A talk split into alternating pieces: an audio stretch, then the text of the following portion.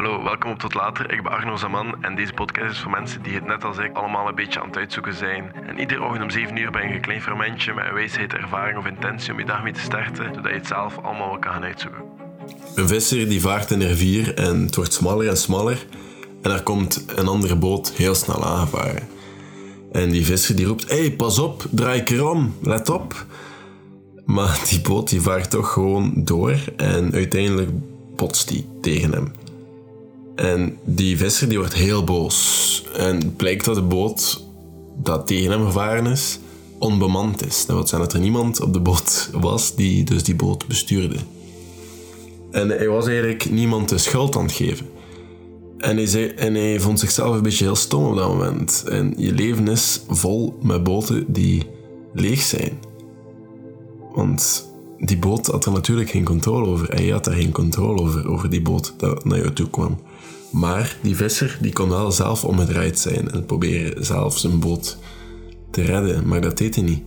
Hij gaf de schuld aan een boot die uiteindelijk leeg was. By the way, als ik een beetje verkouden lijk, dat komt omdat ik ook gewoon een lopende neus heb op dit moment. Ehm, sorry daarvoor. Maar je leven is dus vol boten die leeg zijn. En als je iets ongelukkig tegenkomt of meemaakt, hoe ga je daar dan op reageren? Zoek je iemand om de schuld te geven? Of neem je jezelf verantwoordelijkheid uit voor de dingen die wel in je controle zijn? Je moet gewoon stoppen met vingers te wijzen. En je hebt geen controle over wat de anderen tegen je zeggen, maar je hebt wel controle over hoe je ermee omgaat. Als jij licht raakt reageert, is dat nog steeds je eigen keus. Iemand of iets de schuld geven is ook niet zo rationeel. Daarom overreageren mensen ook vaak als er iets misgaat. Mensen geven liever anderen de schuld of dingen omdat dat gewoon makkelijker is. Anderen de schuld geven helpt ook dingen te ontwijken. Het is gemakkelijk om te denken dat dingen verkeerd zijn en slecht in plaats van te kijken bij onszelf. Want dat is gewoon veel moeilijker, dat is veel confronterender en we doen dat niet graag. Je gaat dan nooit verantwoordelijkheid op jezelf nemen en je gaat nooit het gewoon op andere zaken steken. Ja, je gaat dat wel doen, waardoor je nooit gaat kijken naar jezelf. Maar als resultaat dat je niet eens weet wat er verkeerd was in je acties, of hoe dat je dacht, of hoe dat je reageerd hebt, of whatever. Het is ook gewoon self dus het is een self-defense mechanisme. We zijn zo, om anderen de schuld te geven, je beschermt jezelf. Allee, je beschermt jezelf door anderen te geven wat je zelf niet wilt zien bij jezelf.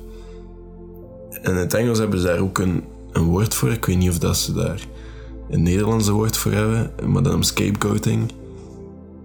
Het is ook gewoon ja, we doen dat en waarom doen we dat eigenlijk? Dat, we doen dat.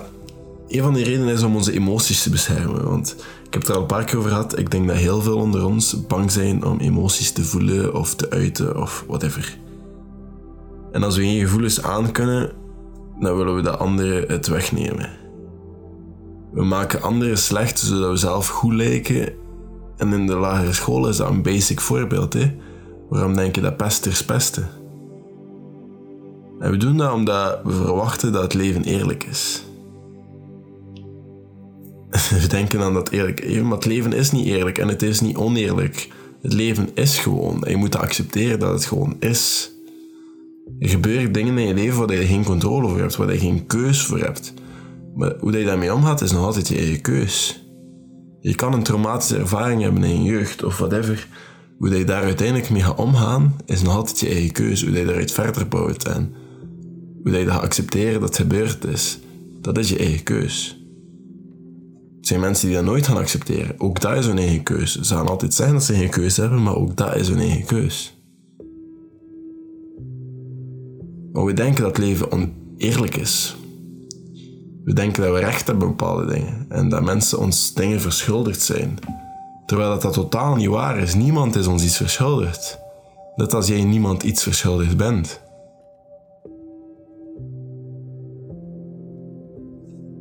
Maar ja, we denken dat het leven eerlijk is en het leven is niet eerlijk, het leven is niet oneerlijk, het leven is gewoon. Dat is het.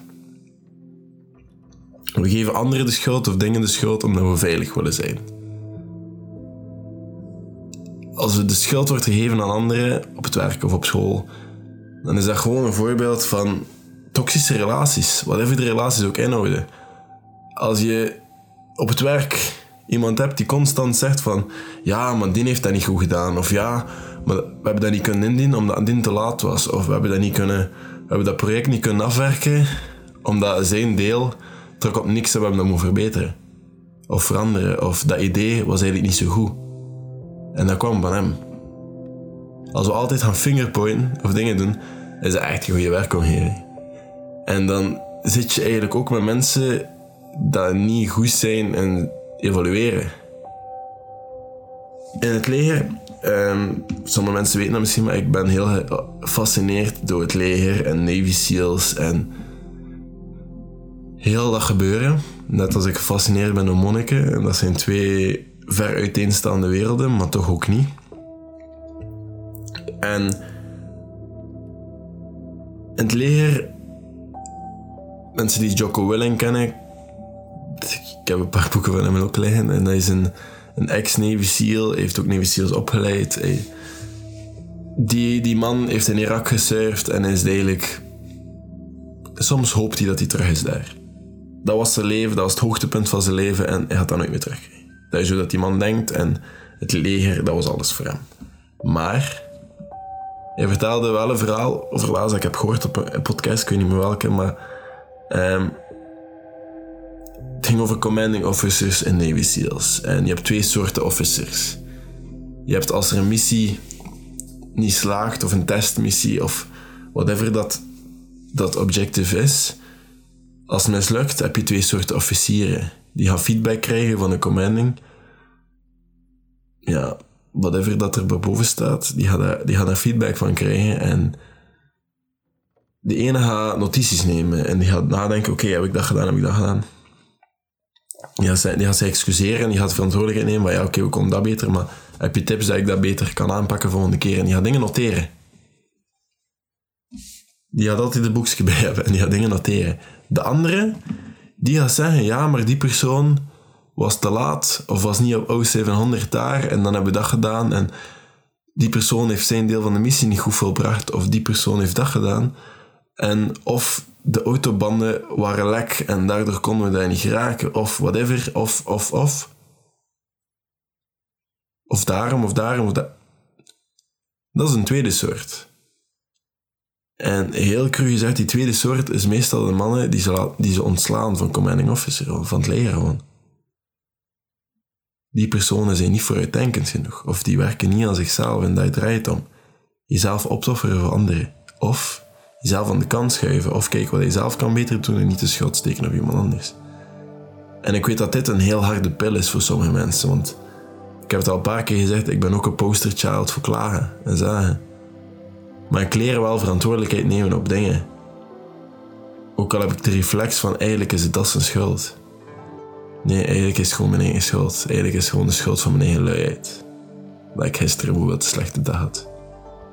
Eigenlijk is het gewoon de schuld omdat ik geen zelfdiscipline had. En daarom reflecteer ik zelfs in mijn journal. En al die podcasts hier komen een beetje samen. Hè? Om dan zulke dingen te zien en dan dat is een beetje dezelfde reflex als die commanding officers hebben met, met dat boekje. Als er iets misgaat, dan noteren die. Ja, wel, dat heb je ook met journalisten s'avonds. Dan noteer je wat er misgaat of wat er beter gaat. Het is gewoon veel makkelijker om iemand anders of iets de schuld te geven. Dan zelf verantwoordelijkheid op ons te nemen. Ik, ehm, ik werk op een café en ik laat regelmatig een keer een plateau vallen. dat is een van mijn jobjes. Ik doe, ik doe verschillende dingen, maar ik werk dus ook op een café. En soms laat ik een keer een plateau vallen of er valt een keer een cola of een pintje of whatever om op de plateau. En op het terras op mijn werk ligt er zo een, uh, zo een riolering, maar daar ligt een raster over. En de raster lag niet goed en ik ben dus gevallen. Ik heb twee keer op die plaats op dezelfde dag plateau laten vallen. En ik had dat op de raster gestoken. Terwijl dat puur mijn eigen lompigheid was. Dat was niet de schuld van de raster, dat was eigenlijk die niet gekeken heb of dat de raster goed lag of waar dat liep. Het is puur mijn eigen verantwoordelijkheid. Maar toch steek ik het op iets anders. En dan is het achteraf bekeken van... Waarom zei ik niet gewoon dat mijn eigen schuld is? Dat is geen ramp. Ik had bijna krik gemorst op iemand. Ik dat, niet, dat is geen ramp als dat gebeurt. Moet dat gewoon excuseren en dan betaal ik wel mijn drinkgeld, snoos, want daar krijg ik al heel veel drinkgeld. Dat zijn droogkeus. En dat is opgelost. Maar je moet gewoon leren de verantwoordelijkheid opnemen en niet op iets anders steken. We hebben die reflex gewoon, ik heb dat gezet omdat het gemakkelijker is, omdat we denken dat het eerlijk is en omdat we... Het is gewoon self-defensive. We hoeven ze niet wel uit. En als het gewoon veel harder is om verantwoordelijkheid op te nemen voor dingen dat we zelf doen. Als die baas zegt dat je weer plateau aanvallen, dat je dan zegt van ja, het is mijn schuld. Ik ga opletten de volgende keer. Is veel harder om te zeggen van ja, maar dat rooster al niet goed. Snap je? Dat je moet dat gewoon leren. Allee, ik moet dat voor mezelf ook leren. En je moet er gewoon, hoe, ik, dat je dat kan stoppen om dat te doen, is simpeler gezegd, moeilijker gedaan. Begin er gewoon een keer op te letten wanneer je zulke dingen zegt. Je zult die dingen ook vaak tegen jezelf van zeggen eerst. Of gewoon in het algemeen. Ik kan dat nu niet doen, want... Terwijl als we eerlijk zijn, die reden trekt meestal op niks. En jezelf de schuld geven is vaak gewoon beter. Ook al zijn er veel dingen waar je geen controle over hebt, die meer hebben gedaan. Zelf heb je ook altijd een deel van de blame. En dat kan ervoor zorgen dat je de volgende keer meer kan voorkomen en dat je beter wordt.